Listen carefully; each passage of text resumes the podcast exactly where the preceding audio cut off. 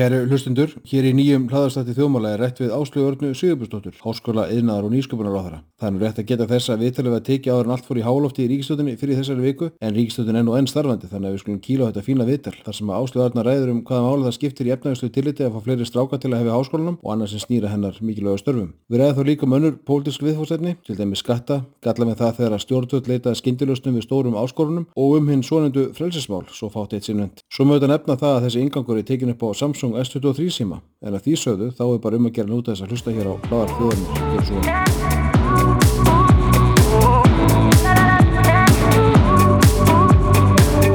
Velkomin Áslög Takk fyrir að koma. Þetta er í annarskitt sem kemur tíminn Það er hérna alltaf gott að spjalla við þig um pólitík. Hóndi hérna verður þetta gott spjall hjá okkur núna. Já, ég held að allana Já, ég vona það. Það er alltaf gaman að lusta á ykkur hérna um pólitíkina og bara ótrúlega gaman að vera komin aftur í þjóðmál. Já Þú hérna, mér var að hugsa til þessum daginn hérna, ég man einhvern tíma eftir fyrir lungu síðan þá, það er auðvitað tíu ár síðan þá varst þú uh, að mér minnir í formaði heimdallar þá sem þú var staðin að því eða staðin að því, þú stóðst fyrir því að sila gjaldirinn í miðbæri ekki ekkur Já, ég hafði svolítið gaman að því og hérna í síðustu viku þá tókstu leigubíl hérna hjá Hopp, þetta er ekki sambarlegt en þetta, svona, þetta myndi mig á þetta. Já, einmitt. Ég var svolítið dulli við það þegar ég var formaður hindallar að reyna að vekja aðtikli á málum með svona svolítið svona pönkhætti Já. að því að ég var hrættur um að fólk væri hægt að lesa svona álíktanir frá ungum sjálfstæðismönnum Einmitt. Þannig og núna var ég að taka fyrsta svona, ef að segja, frjálsa einmitt Um, allavega erum að sjá það að það er loksins komið frelsi og almennileg samkeppni á leigubílamarkað á Íslandi og ég fekk þann heiður að fara og taka fyrsta leigubílinn þar í ferð. Um, og það reyndist bara mjög vel. Uh, ég held að samkeppnin og, og frelsið í þessu markaði eins og öðrum muni skila bættri þjónustu við neytundur en líka bæta þá þjónustu sem fyrir var. En þetta gerist ekki sjálfur sér, þetta er bara það sem búið að taka mörg ár.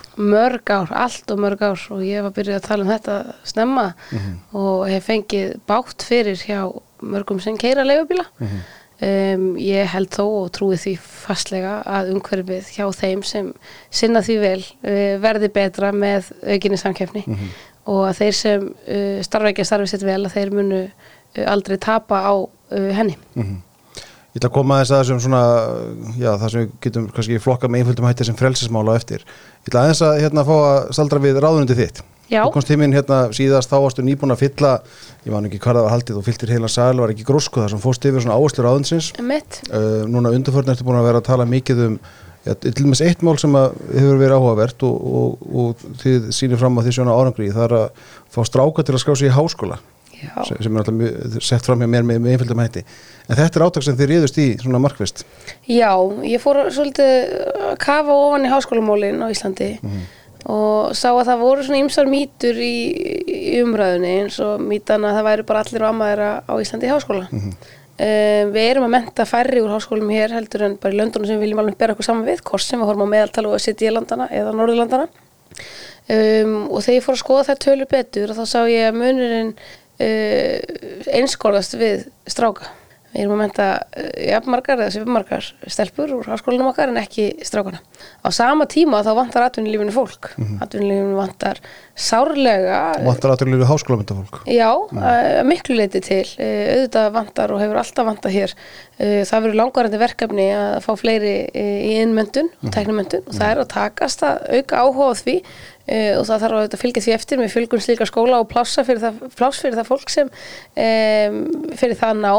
En á sama tíma þá vantar háskólamentaða sérfræðinga í gríðarlega mikið af þessum nýsköpunum fyrirtækjum sem eru að stækka og stækka um, og inn í öll þessi tækifæri og það hefur auðvitað verið uh, stórt verkefni hjá mér sem ég kynnti mig þarna fyrir um, rúmu ári síðan uh, í grósku að ég ætlaði að breyta umhverfi alþjóðlega sérfræðinga til að gera fyrirtækjum það kleift að stækka á Íslandi. Uh, en á sama tíma þurfum við auðvitað að menta inn í þau tækifæri og þetta er held ég og mér var sagt það í gær af sérfræðingi sem hefur unnið mikið í þessum málum að reyna að skoða stöðu drengja í mentakerfinu að þetta er svona fyrsta skiptið sem sést mælanlegur árangur af einhverju mm hjá strákunum í mentakerfinu og þarna vorum við að fá 13% aukningu í HÍ uh, af þeim sem eru að sækjum nýskráningar í skólan. Já, Já. og það, það hlutall stráka sem, eh, sem hefur verið að sækja um í HÍ hefur ekki haggast síðust ár. Þú skrifaði grein í morgunblæði síðustu vika sem fjallar um það að þetta skipti máli í efnagslegu tilhætti. Getur útskipt það hans betur? Já, það tengis kannski svolítið þessum uh, tækifærum í að fjölga og búa til fjölbreyttar atvinnulíf. Uh, við erum að sjá það að það er gríðarlega gróska í þessum hugverka yðnaði, teknigeira, alþjóðageira, þessum útlutningi í landeldi líka og fleira. Um, þannig erum við að sjá gríðarlega svona vaksta tækifæri fyrir Ísland og kannski svona raunverulega möguleika loksins að við séum með fleiri stóðir. Um, á það hefur líka verið bent um, meðal annars af um, OECD og alþjóða gældurisjónum að hér þarf að nú er rétti tíminn til að fjölga stóðum atvinnulífsins og tryggja það að á Íslandi sé fjölbreyttur atvinnulíf. Um, og í, inn í þau efnæðistækifæri þarf að menta uh, fólkið okkar auðvitað. Við ætlum ekki að eiga um, Evrópumend í því lengi að strákarnir okkar séu ekki neinu námi um, korki yðmyndun í háskólamyndun eða háskólanámi. Um, af því að það skila sér oftar en ekki í því að uh, hluti af um, þeim verða á kerfinu um, í lálunastörfum um, eða menta sig setna lífsleginni sem kostar oft er meiri fórnarkostnaður í. Þegar um, menn, menn er farin að reyka heimili og með og... Já, og svona bundnar í tekjunum sínum og, og annað. Þannig að ég, og ég er alls ekki að tala fyrir því að þurfa allir að fara í háskóla. Við erum svona að horfa á það að það væri æskilegt að við næðum svona nálægt eh, helmingi. Um, en við erum talsvert uh, neðar um, en uh, það. Og við sjáum bara gríðarlega tækifæri að tala til þessara, þessara strákar sem eru búið með framhalskólan hafa ætlað sér í háskólanám en hafa svona kannski ekki slegið til eða glimt sér aðeins í pásunni og það er ótrúlega ánægild að það tókst af því að það skiptir máli bæði fyrir þá og framtíða tækifæri en ekki síst fyrir efnæðslífið og ef þessar svona áætlanir efnæðslífsins og atvinnlífsins eiga fram að ganga að þá skiptir auðvitað fólk og mannuður uh, stóru máli í, þeis, í því samengi Þú hefur sett fram svona, já, ég vil bara kalla það svona sláandi upplýsingar oft eh, í mann eftir viðskiptaþingi fyrra sem var nú fellaðum í fjölmjölum og innþingi núna þessu ári um háskólamöndun og hérna uh, spurningin er eiginlega svo sko, eru, eru háskólanir sjálfur kannski að Vistu, eru þeir að, já, ég heit ekki segja að gera mistök en eru þeir einhvern veginn að draga lappinnar í því að bjóða fólki upp á rétta námið? Ef maður orðað þannig, Ég held að við þannig að sé bjóðum ekki allir í viðskiptafræði, lögfræði og þessum hefðbundnu Einmitt, ég var aðeins svona verið að íta í það. Þurfum að átta okkur í því hvað tækifærin liggja. Og það er ég ekki að segja að við erum bara hægt að menta viðskiptafræðinga og hagfræðinga og fleira um, heldur ég er aðeins að reyna að benda á það að við þurfum kannski að gæta okkur hvernig umræðan er í samfélaginu. Við byrjum líka eitthvað ábyrð á því hvernig við upplýsum nefnendur um, það er eiginlega ekkert sorglegur en að 19 ára spenntur nefnandi byrji í háskóla og veit ekki að kannski er styrkleiki hans uh, og tækifæri uh, svona var nýtt af því að hann var ekki nógu upplýstur og hann byrjaði að ná mig uh, og ég veit að ég, legg, hverjum er það að kenna? Er það háskólanum að kenna eða framhalskólanum eða fóldrum eða hvað er líkur vandamálið? ég held að þetta sé svona aðeins ábyrð okkar allra um, háskólinir er að bjóða upp á gríðara fjölbreytt nám á Íslandi með við hvað við erum lítil uh, og við erum auðvitað með of marga háskóla um, en við erum að bjóða upp á mjög fjölbreytt nám og stundum okkur auðvitað alveg í því að hér getur fengið mjög gott háskólanám um, sem hérna uh, lætur þau ekki standa aftar en nefndur sem þú ert í samkeppni við út í heimi um, ofta á tíðum en á sama tíma þá trú ég að við getum gert miklu betur. En það sem ég er að reyna að gera um, og ætla mér að gera er að nefndur séu upplýstari að við sínum þeim meðal annars færni þörfu á vinnumarkaði mm áður þau sækja um, um í háskólan en líka bara hvernig svona, hver staðan er og ég ég veit að ég sjokkara stundum með svona tölum og, reyna, að varpa þeim fram eh, með ákomna hætti sem sumum finnst stundum ósangjant um, en á sama tíma þá náum við ekki að taka umræðuna nema að við áttum okkur á tölunum og tölum reynskilið um mm hver staðan er.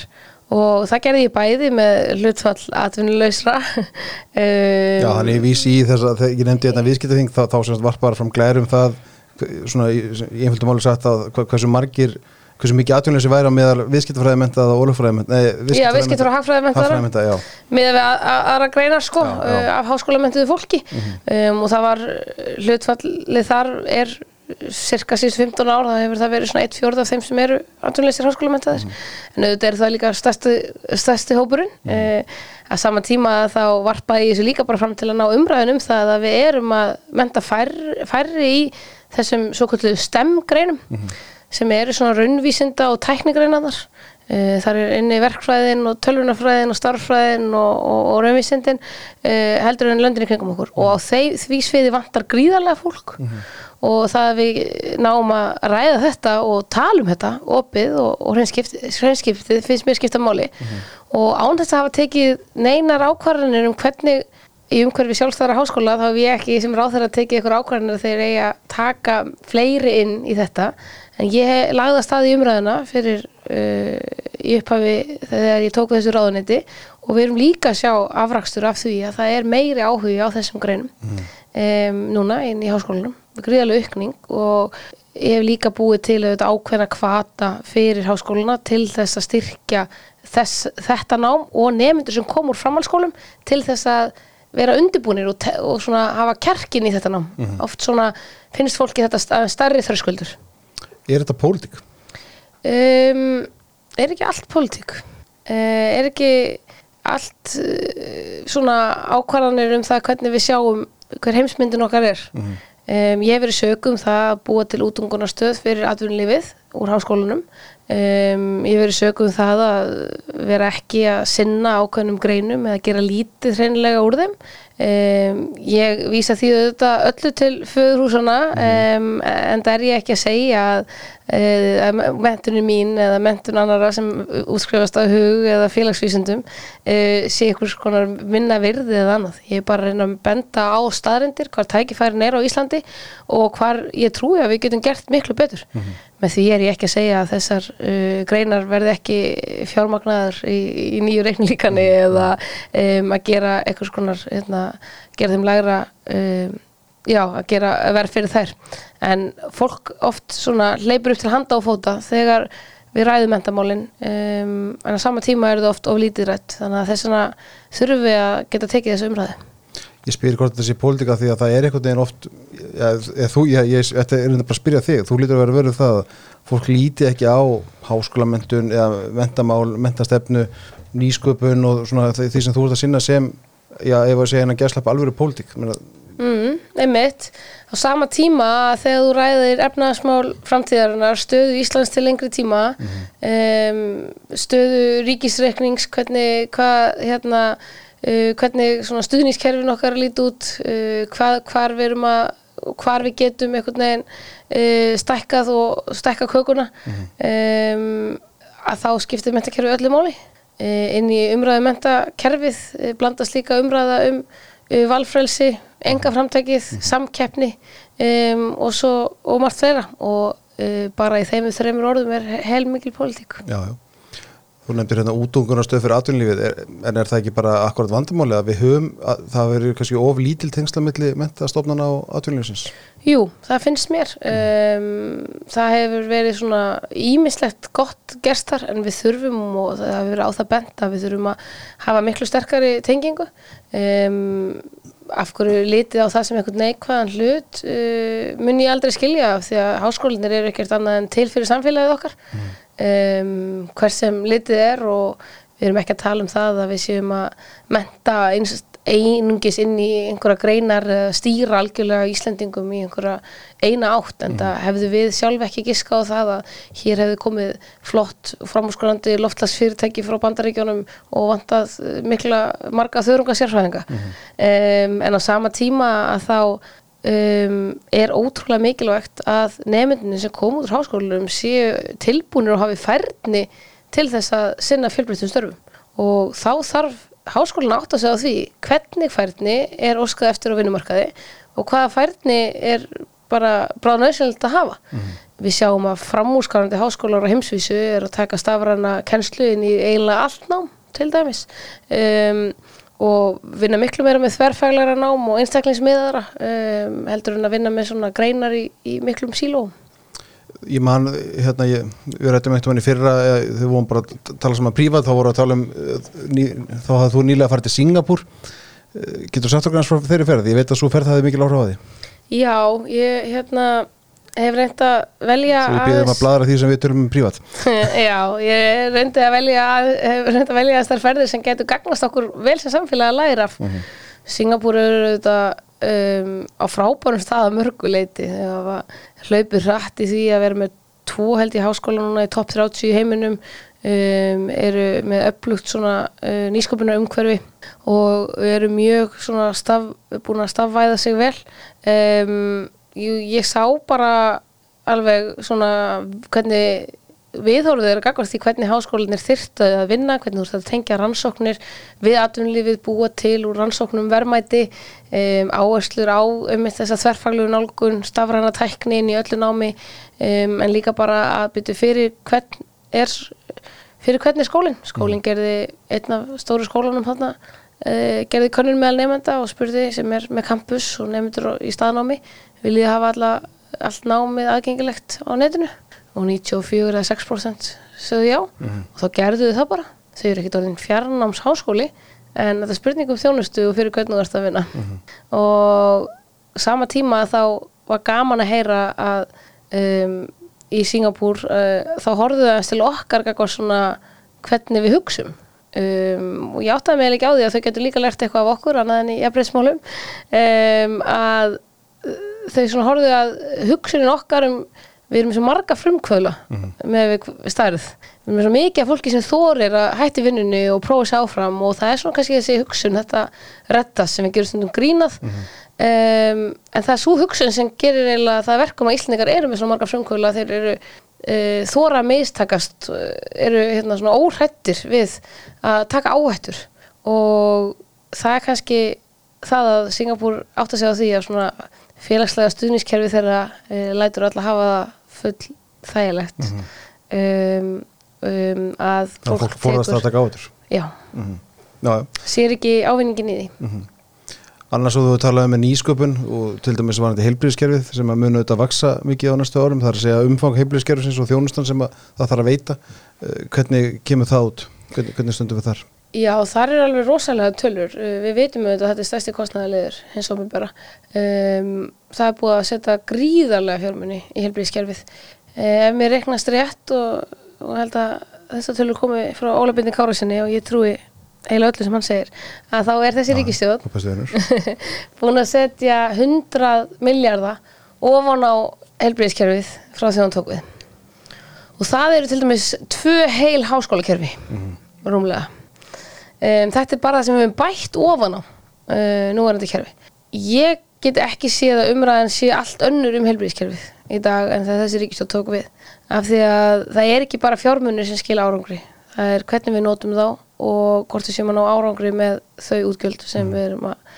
Og ég fór að skoða skýsli McKinsey um rekstur landsbítalans uh, og framtíðar horfur og þekki þetta tölna vel hvað við eldum strætt og óhjákvæmilega þá er verður mun kostnaðurinn aukast. En það er spurning hvernig og hvort að við getum ekki um, dreigið úr honum á mjög mörgum öðrum sviðum um leið.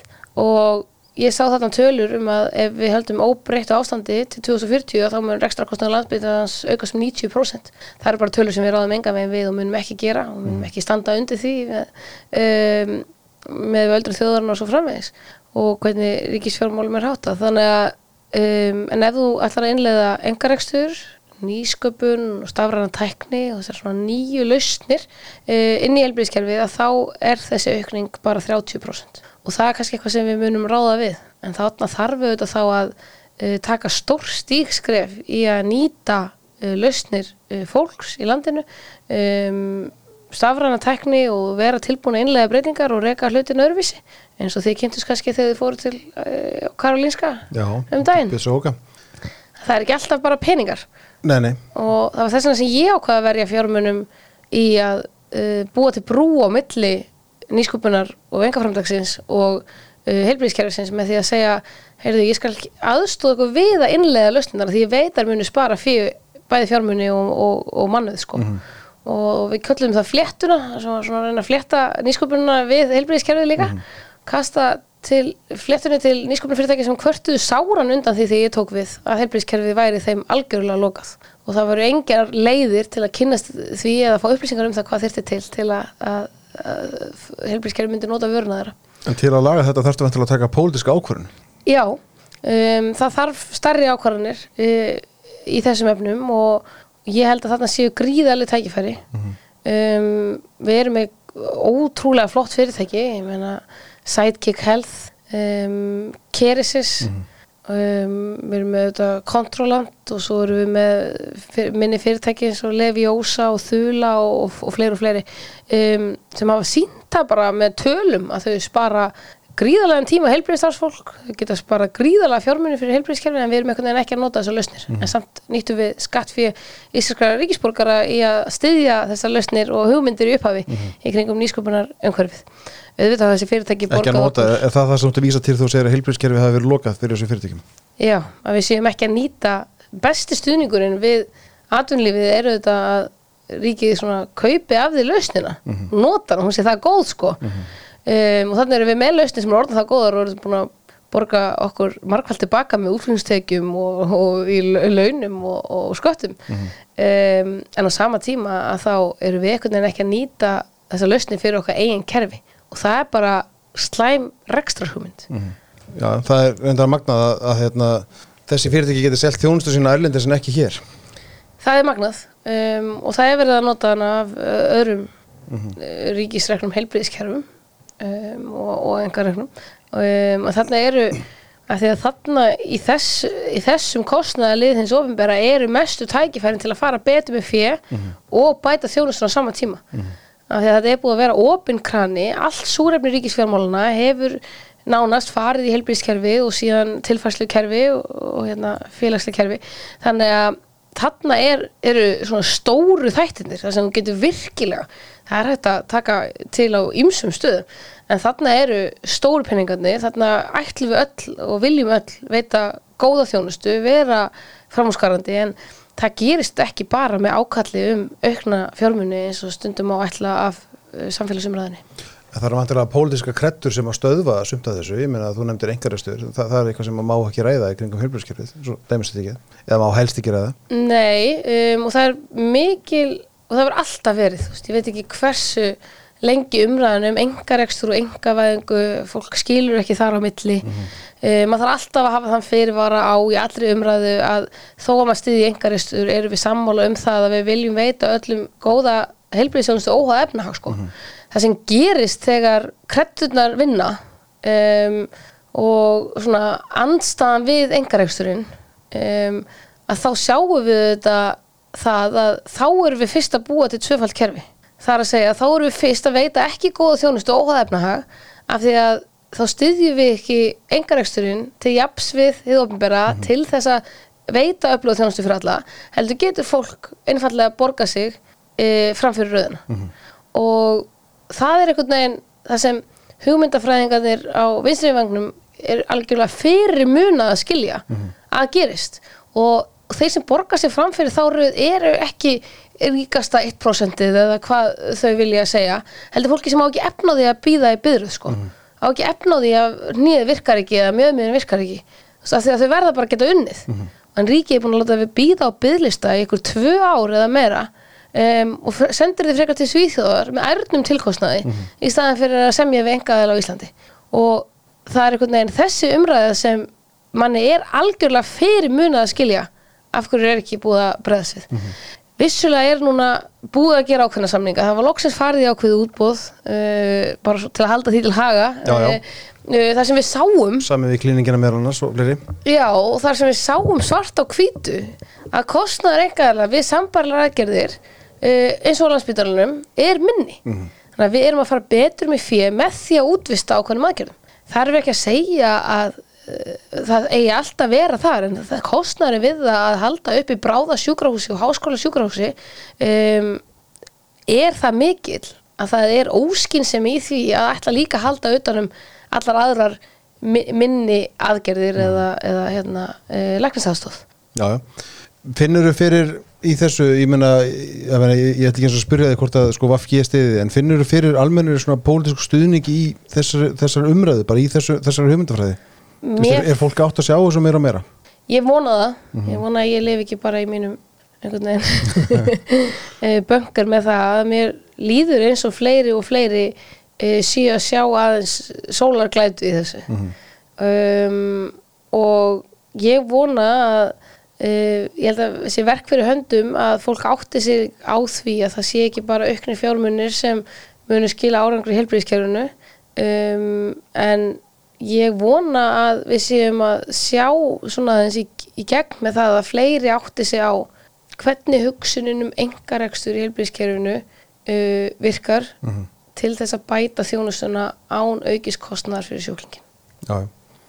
Fyrst í nefnum FG þá náttúrulega verði ég að fara að ræða um sem ríkistundarsamstarfi, ég ætla ekki að spyrja hvernig ríkistundar springur, en hérna hver, sko, hvernig gengur samt bara pólitíkin að takast á við þar aðstöður sem eru í dag? Og því ég minna pólitíkin það minna ég bara svona almennt, ekki bara ríkistundinni veist, það er verðbólka, það er fyrirsjánlega og svona samdóttur í hagkjörnu staðin er ekkit einföldum þessa myndir verð það, reynir það á svona, hvað að segja,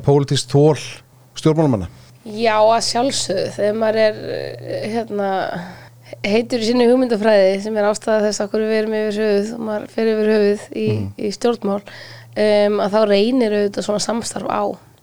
En það var við búið og það hefur gert það áður.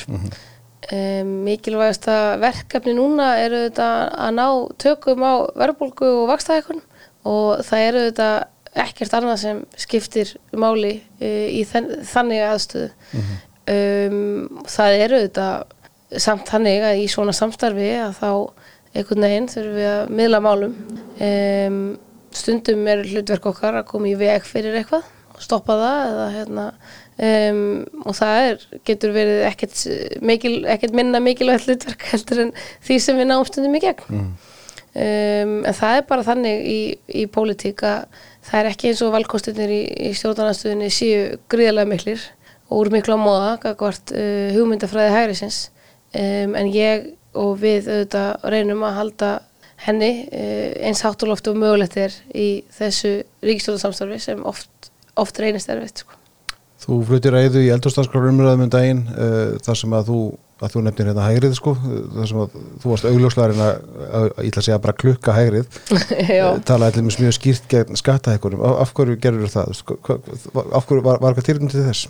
Já, það er rauninni alltaf tilefni til þess að mínum að en Já, ég sammála því, en ég vil bara heyra þið segja það sko.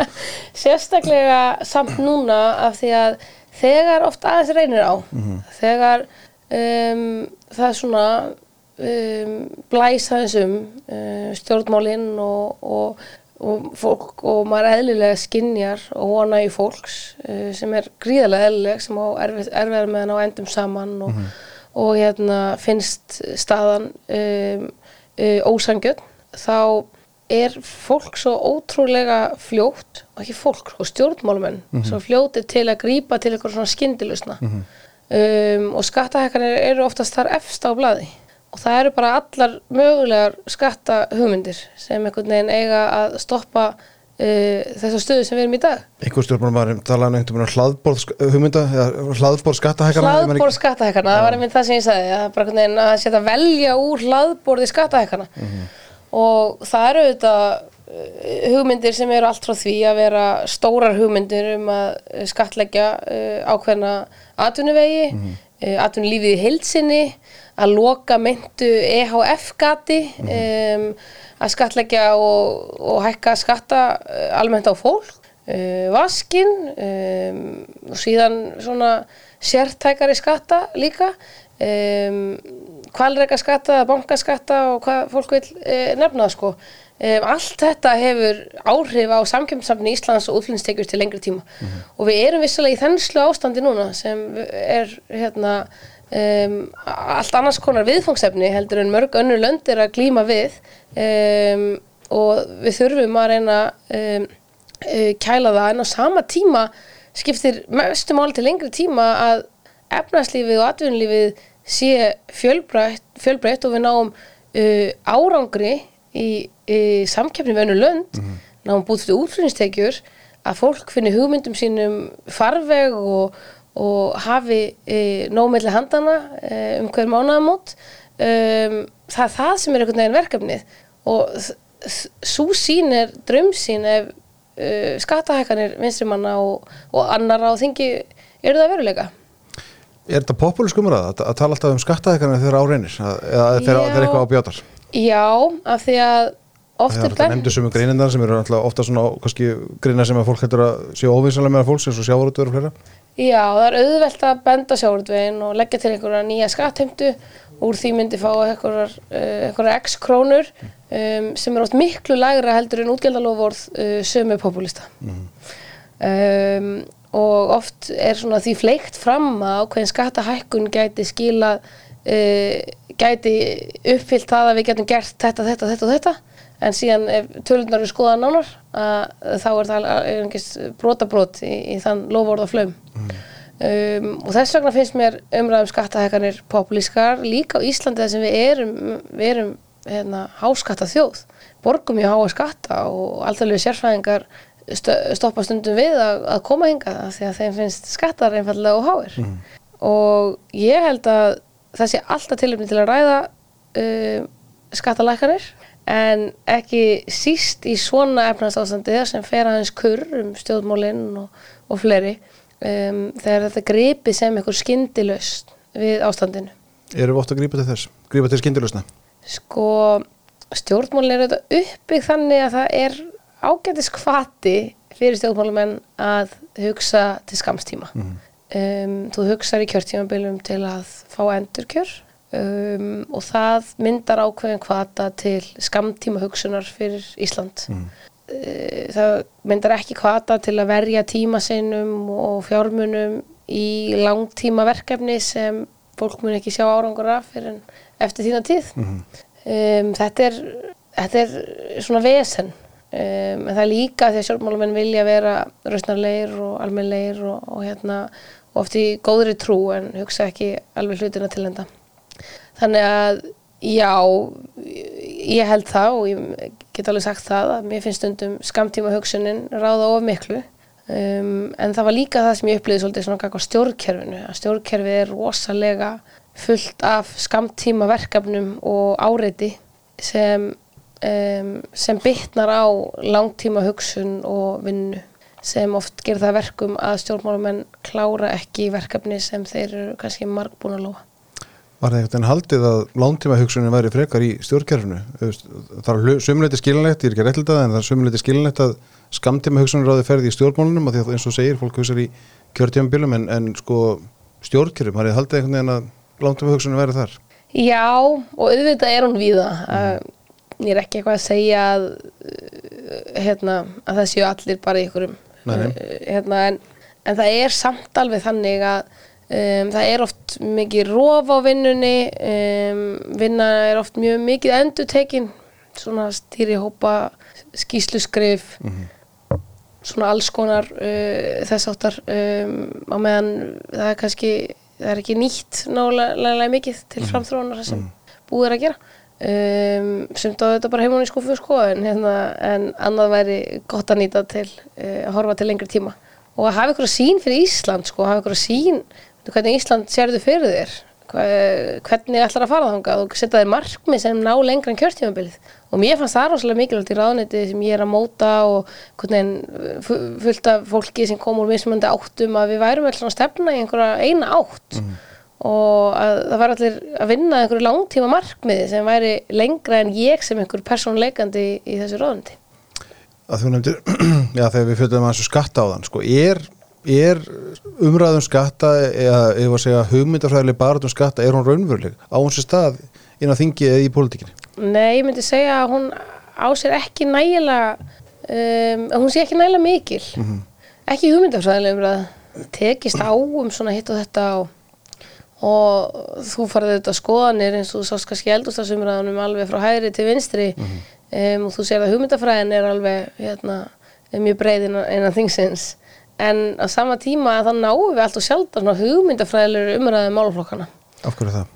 Um, ég held einhvern veginn að því að við erum oft svona föst í því að leysa einhvers konar uh, skamtíma vandamál kerfisins og, og verkefnana og við erum einhvern veginn föst í ótrúlega mikið af afgreiðslum og innleiðingum og einum ymsu reglum og, og svona að við eh, hérna, stundum erfitt að standa upp úr því fargani. Sérðu fyrir að það breytist einhvern veginn? Breytist það með nýri kynsla stjórnmálumanna eða er, er þetta eitthvað sem er bara komið til að vera eða hvernig? Ég held að það hafi svo, svo margt breyst í pólitísku umræðu og við séum svona svolítið að, á hlaupum gaggar því hvar hún er og hvar hún á að taka, fara fram og hvar við tökum hana. Um, kannski þurfa pólitíkin í smá tíma einhvern veginn að finna fyrir því að hún er ekki og svo kemur hún ógislega sterkan aftur og þetta gæti alveg við í einhverjum söflum mm ég sakna alveg oft svona hugmyndafræðilegra umræðu við höfum þetta reynd að setja hana stundum á dagskrá með svona einstaka frelsismálum. Um, af því að þar sjáum við bara mjög skýran hugmyndafræðilegan mun. Um, við höfum þetta sett hann á dagskrá með því að lækka ýmsu að skatta og fá uh, við því uh, hérna, háar mótmæli innan þingsins. Um, en á sama tíma þá svona eitthvað lengri tíma sín eitthvað skattkerfinu og efnaðsmálum að þá finnst mér oft vanta svona svolítið hugmyndafræðilega umræð Finnst þér ungt fólk vera að hugsa á hugmyndafræðilega nótum, almennt? meira en ég bjóst við, já. Það er verið áhugin á pólitík og þetta misjand og allt það sko en Já, mér finnst það að vera aukast. Um, ég hafði alveg ágjör á tímabili en nú erum við að fá kynslu upp sem mann ekkert eftir hruninu. Mm mann ekki eftir því að veginn eru ókslega ókúl um tíma. Um, og hafa bara frekar mikið áhuga á þessu. Mann er alls ekki eftir kaldastriðinu Nei, og svona eins og við sem erum fætt eftir myndbreytingu og Já, já, um, þannig að mér ég finn meiri áhuga ungs fólks núna heldur en bara fyrir örfam árum síðan. Og kannski hefur það eitthvað að gera með að ég er nærðum í svo ráðuneyti ég er að tala inn í málaflokka sem þeim finnst skipta máli og annað en ég heyri mikið frá þeim og miklu meira en ég átti vona sem er þá pólitist já, Já, já, fólk sem vil taka þátt í pólitíkinni velti fyrir sér hvernig það getur haft áhrif og langar að vita meira um svona einhverja grunn hugmyndafræði og af hverju ég er í sjálfstæðarflokk til dæmis. Já, af hverju endaður þar? um, það var auðvitað bara mjög skýrt val ef maður aðhællist frelsi einstaklingsins og minni ríkisafskipti. Það var engin annar og hefur ekki ennþá komið flokkur sem mér finnst tala inn í það. Um, ég get alveg verið ósamál einhverju og segi það oft við ungt fólk að þú getur aldrei fundið í flokk sem þú ert bara alveg 100% sammála. Þá væru hér flokkar fyrir hvert kjósanda. Um, en á sama tíma að þá á sjálfstæðarflokkurinn ótrúlega góða sögu að segja því hvernig hann horfir á uh, fólk, hann treystir fólki hefur trú á fólki um, og ætlar að passa það að, að ríkið sé ekki að þvælast fyrir og frekar að lifta þeim upp og hugmyndum þeirra og, og lefa þeim að hafa uh, meira um sitt líf að segja heldur en að, stjórna því og þetta er svona, svona grunnurinn sem einhvern veginn fekk mann til að uh, skrá sig í sjálfstæðarflokkin og ég hef þetta að byrja að starfa í sjálfstæðarflokkin þegar það er vinstristjórn. Og það þetta ítir undir áhuga minn á hugmyndafræðinni og á í rauninni sjálfstæðarflokknum af því að mér fannst eh, þá byrjaði áhugin minn eiginlega bara á stjórnmálum. Um, mér fannst bara allt sem þau gerðu vera ránt og mér fannst mjög gaman að taka þá umræðu af hverju mér fannst það og, og hérna, taka þátt í pólitískur umræðu. Og ég held að svona grunn hugmyndafræði þegar samfélagsmiðlar og svona samfélagin oft eru orðin svolítið svona e, svart og hvít í einhverjum skilningi þá skiptir umræðum hugmyndafræði ennþá meira máli um, svo að fólk skilji svona ákvarðanar og að við lendum ekki út í skurði sko. En er sko, er hugmyndafræðin flókin? Ég meina, erum við ofta að flækja um, pólitísku umræðu með tali eða röfli um smáatrið þegar við ættum að horfa á stórumyndina? Já og við komum henni ekki nót, mikið til skila því að við erum ekki nóg mikið að ræða hana. Ég meina maður fyrir á kostningafundi og situr svolítið með hvað, 13 flokkum í frambóði eða allavega 8, 8 til 10 og þar er spurt bara viljið þið betra helbriðskerfi og öll lína svara já með einhverju einni setningu. Um, þessi spurning mun aldrei leiða í ljós uh, hvernig þú átt að velja þér flokk af því að við sjáum mismundi leiðir að því og höfum mismundi trú á því hvort að leiðir annara muni yfir höfu virka. Og höfum oft séð þær ekki virka. Um, og það er svona hvað grunn umræðin og, við, að, og að við svona aðeins stundum fælumst frá hugmyndfræðinni og í svona stjórnarsamstarfi að þá þurfum við að minna okkur á það bæði þingflokkurinn, sjálfstæðismenn allir, kjörni fulltrúar um, græsrótin og fólki í flokknum að við þurfum að passa að halda umræðinum hugmyndafræðina gangandi um, af því að hún á að lita og litar allavega uh, öll mín störf í mínu ráðaniti Já, já, já, það er það að spyrja svo sem að hverju sem er, viltu, viltu öflöra heilbrískerfi, viltu efla atvinnulífið og svona, og og svörin eru oftast einhver já eða nei sko en það er einhvern veginn eins og segir kannski mismöndi leiðir sem að fólk vil fara að því en þú veist, ég er svona áttum að því þú veist hvernig umræðan eða hvernig, hvernig, hvernig umræðan er og hvernig við viljum hafa hana, þú veist, hvernig náum við einhver svona vitrætni umræðu um, til dæmis helbriðskerfið, við að ræða það eins hér sko en þú fattu hvað er að fara, þetta er svona Já, oft svona eru bara góð lítil frelsismál góð dæmi um hugmyndafræðina. Af því að þú getur svona speklað á svo margt og við sjáum bara núna í síðustu viku er hægt að segja að e, tveir svona einogunar e, risar hafi fallið. Það voru leigubílarnir og áfengið að einhverju leiti allavega lækkaði múrin já, já, en eins og við nefndum hér upp að hérna, þetta gerist ekki sjálfur sér. Þetta gerist ekki sjálfur sér og það er þessi hugmyndafræðilega umræða sem skapast í kringu svona mál, svona frelsismál sem við verðum að reyna ítundi sko sangitni og samkeppni og auki frelsi um, að þ- þ- þau verða þess oft valdandi að fólk skilji uh, fyrir hvað við raunverulega stöndum. Og það er hræðslan við þessi mál sem rekur suma stjórnmálamenn í hodni af því þeir þóru ekki að taka afstöðu af því að frelsismálin eru sjaldan rosalega vinsæl fyrir en eftir á. Og það er kannski svona típisk hugsun um skamtíma lausn að vera er, vera- er þetta forgámsmál E- einmitt. Er þetta nú mikilvægt? Getur ekki verið að gera eitthvað annað? Um, á meðan þetta eru bara svona algjörlega einföld og sjálfsögð breytingar á íslensku samfélagi. Og þetta, þetta afturhaldsviðhorf sem stundum einkennir svona viðhorf Íslandinga til ímessa minni mála sem þó skipta gríðlega máli er svo ótrúlega þreytt. Af því að þetta snýst bara um þjónustu og svona hefðbundi viðskiptafrelsi og svona einhverja grunn svona eh, b- grunn borgarleg samfélög sem við viljum hérna, borgarleg samfélög sem við viljum búa til. Já, þú kynntist því nú til dæmis þegar þú varst í tíðinu sem dómsmálaðar og laðir fram fram frumvar sem átti að heimila innlenda netvistarni með áfengi og, og sölu beint af brugghúsum sem breytti síðan í brugghúsfrumvarp eða maður rétt Já, ég lagði það til að bæði heimil íslenska netvíslun og búa til um það ákveðna reglur sem og að leifa brugghúsum að uh, brugga. Netvíslun frumvarpið það var stopp í ríkistjórn í mjög marga mánuði um, og fekk það mikla anstöðu að ég endaði að taka brugghúslutan út til þess að fleita því inn í þingið. Um, það gekk nú ekki betur en svo fyrst að uh, mér minnir að umsögn átjáfer hafi verið að þetta myndi uh, brugghúsbreytingin sem náði til örfára brugghúsa hér um land allt um, til að selja yfir búðaborðið um, að mér minnir að átjáfer hafi sagt við það tilefni að þetta myndi kippa stóðum undir rekstri átjáfer um, síðan var þetta, þessi hluti samþyktur og Hildur Sveristóttir kom nú með uh, netverslunarfrumvarpið bara inn í þingi til umræðu. Uh, það hefði verið afar heppilegt ef þinginu hefði lánast að búa til umgjörð í kringum um, kerfið uh, svona ekki síst vegna þeirra andstöðu sem við heyrum auðvitað í samfélaginu um það að, að uh, auka frelsi áfengismálum.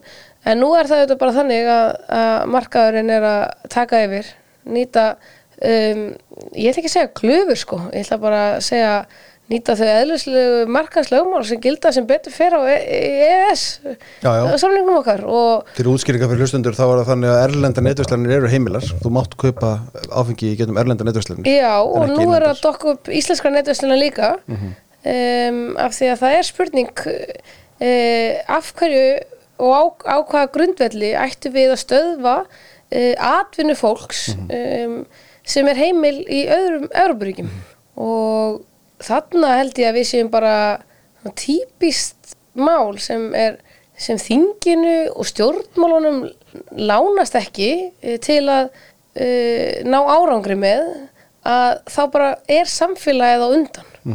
En það er nú svona hjákátlegt að, að minnstakosti að, að horfa upp á þá sem sögðu að þetta mál væri algjör óþverri hjá mér.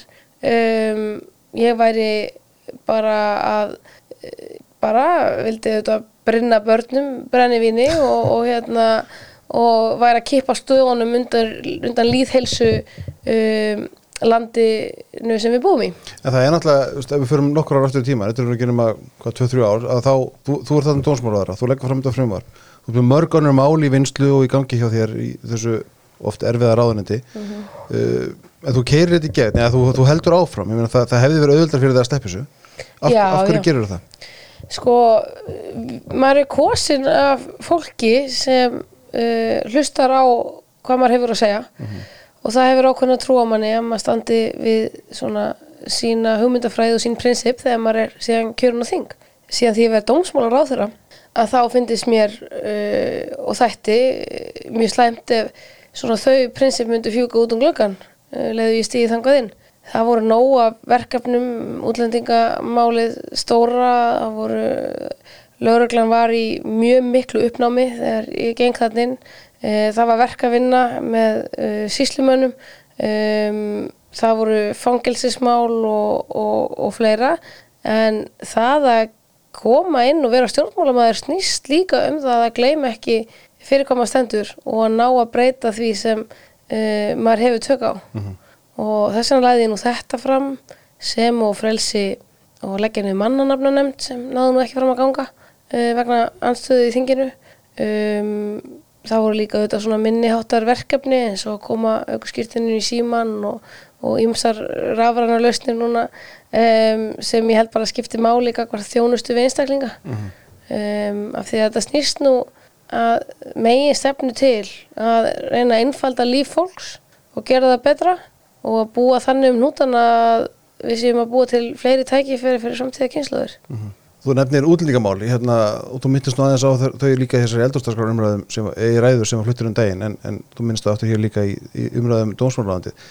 Sko, hvernig standa þessi mál? Ég meina, þetta er einhvern veginn virðist vera komið, já, bara í óefni, þú veist, það er að segja þjónustan og, og kerfið í heilsinni. Já, ég, mér fannst ég ekki geta mætt í eldurstaksumræður á þessum tímapunkti sem eru auðvitað almenna stjórnmála umræður um stöðuna í dag um, að án þess að ræða útlendingamálin.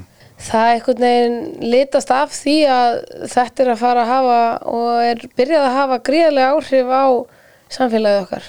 Og ég var í dómsmálaráðundinu í tvö ár, lagði að minnstakosti í tvígang fram útlendingafrumvarp sem náði lengra en það sem fór loks í gegn og, og þessu þingi. Og þegar ég var að raukstíða það mál uh, við mikla andstöðu í þinginu og í almennri umræðu um, að þá veginn var, sá maður hvað umræðan væri rosalega brottætt og grunn. Hún var mjög svartkvít, mjög fljótt. Um, Hefur það ekki alltaf verið þannig? Jú, að einhverju leiti en það versta við það er að þegar maður sá hvernig þetta væri að þróast um, hvert þetta myndi stefna um, að þá hafði maður verulegar áhyggjur af því að við myndum ekki ráða við verkefnið. Um, maður fekk bátt fyrir þær útskýringar.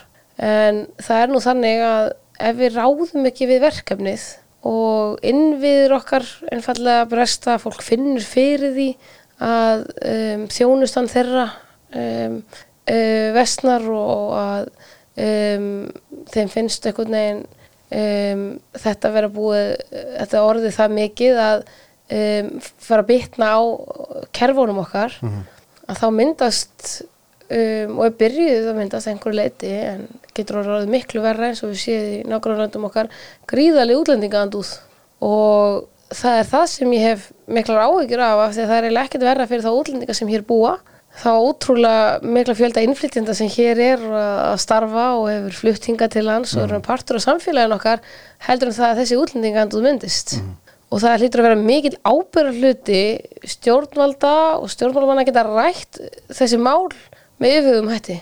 En þinginu lánast það sjaldan. Um, það er gripið í bara stór yrði og gífur yrði um, og okkur hefur ekki lánast að taka umræðu eða breytingar uh, uh, í gegnum þingið á eðlum hraða heldur hafa þurft mörg ár að komast í gegn og ég áhyggjur af því að og eins og ég nefndi í eldurstagsumræðinu minni að bara með þessi ríkistjórn síðan þessi ríkistjórn tók við hefur bæst hér við heill kópavúr mm.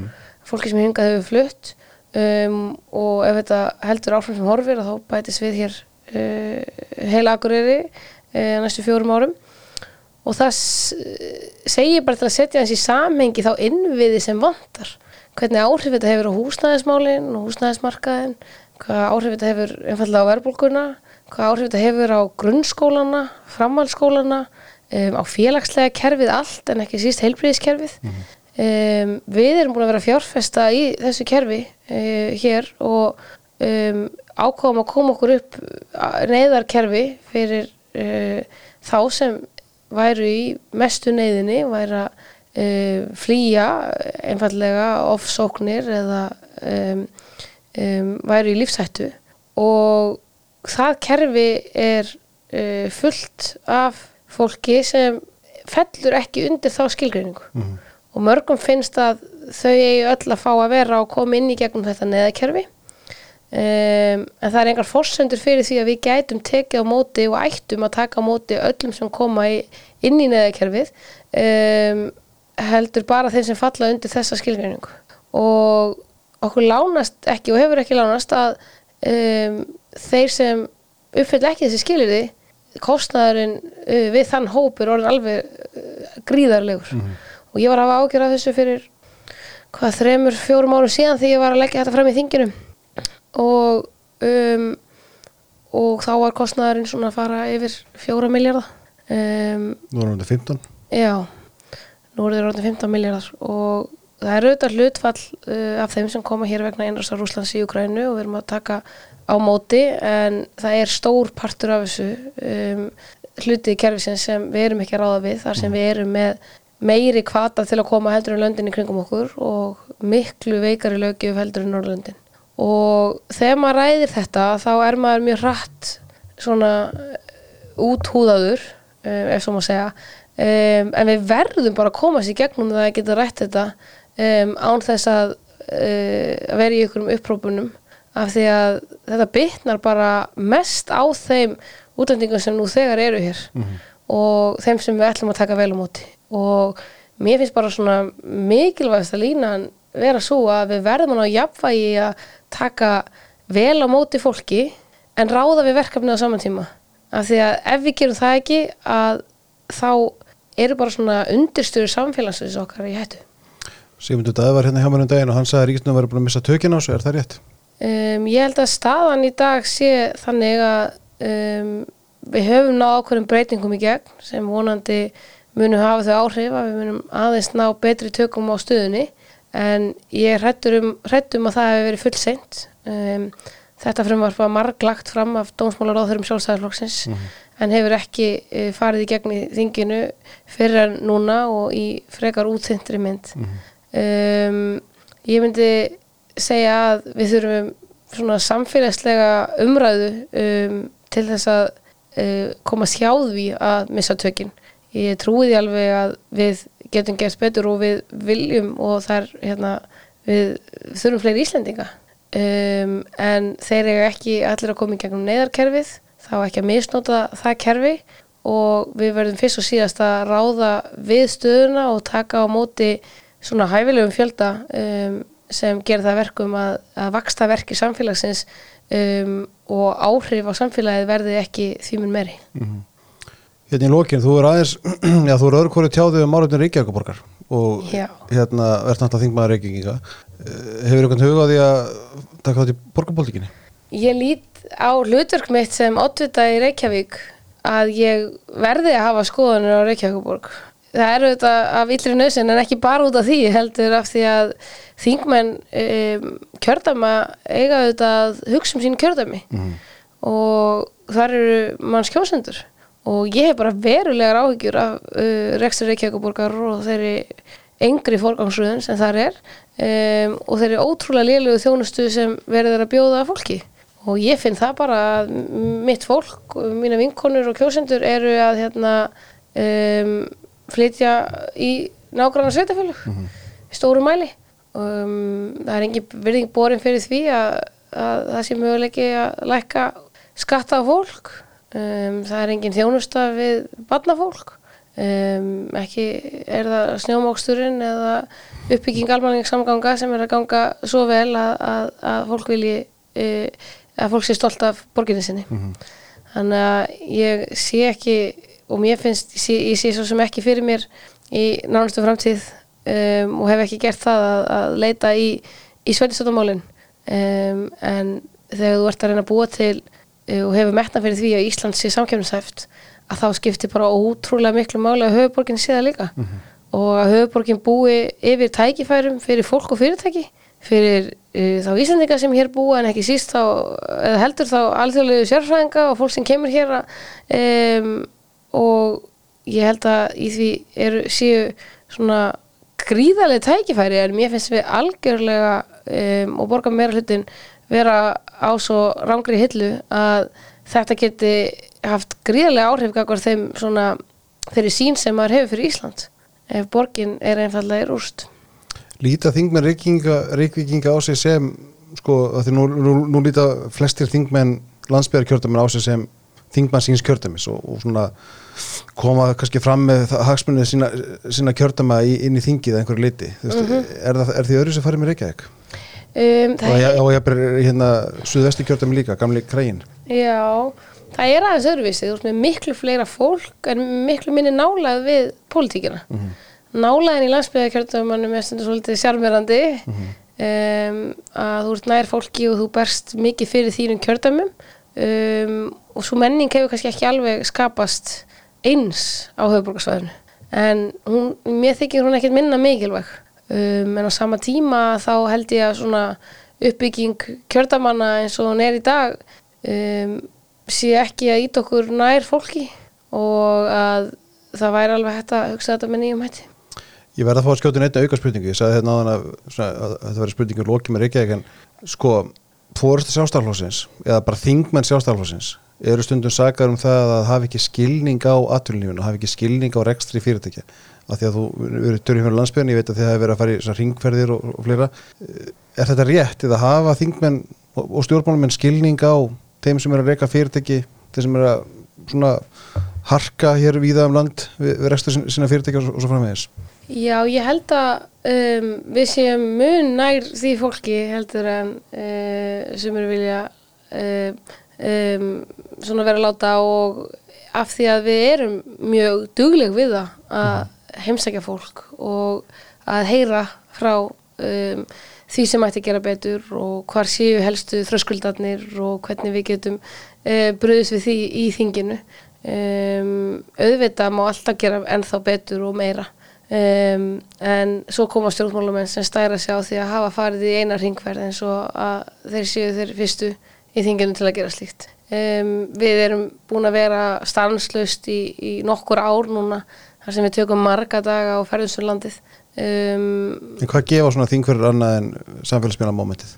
þau gefa það að það eru fullt af hugmyndum fullt af sögum og dæmum um það hvernig kerfið er að bregðast fólki eða hvernig kerfið er of þungt í vöfum eða hvernig það eru ofmargir þröskuldar eða einhvern veginn computer says no um, og þetta hefur gagnast mér það mikið að ég ákvað líka að vera með skrifstofu mína uh, víðar um landið en Reykjavík bjóð upp og opna viðtalstíma sem ég geri mánæðilega hér í Reykjavík en um, gera það líka víðar. Það hefur skilað því að maður sé komin í verkefni til að leysa vandamál í kerfinu sem maður vissi ekki af fyrir maður fekk fólk um mitt í heimsókn að benda manni á, á það. Þar má nefna uh, konu sem kom til mín um, um, í óbyrjum viðtalstíma út á landi þar sem uh, hún vinnur sem uh, við að þrýfa framhalskóla. Hún er með háskólamentun, 6 ára eða 5 ára háskólamentun frá fínum skóla í Evrópu um, sem sálfræðingur. Og það vantar aldeilis pólska sálfræðinga á Íslands samfélag. En hún fær neitun frá kerfinu um viðkynning og sinni mentun hér.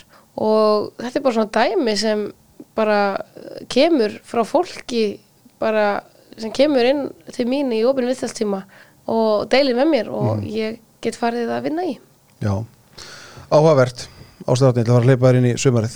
Já, takk Gaman að fyrir. þáttinn Ég reynda að mæti í því. Já, bara vonandi kemur hlútt aftur. Takk fyrir spjallið.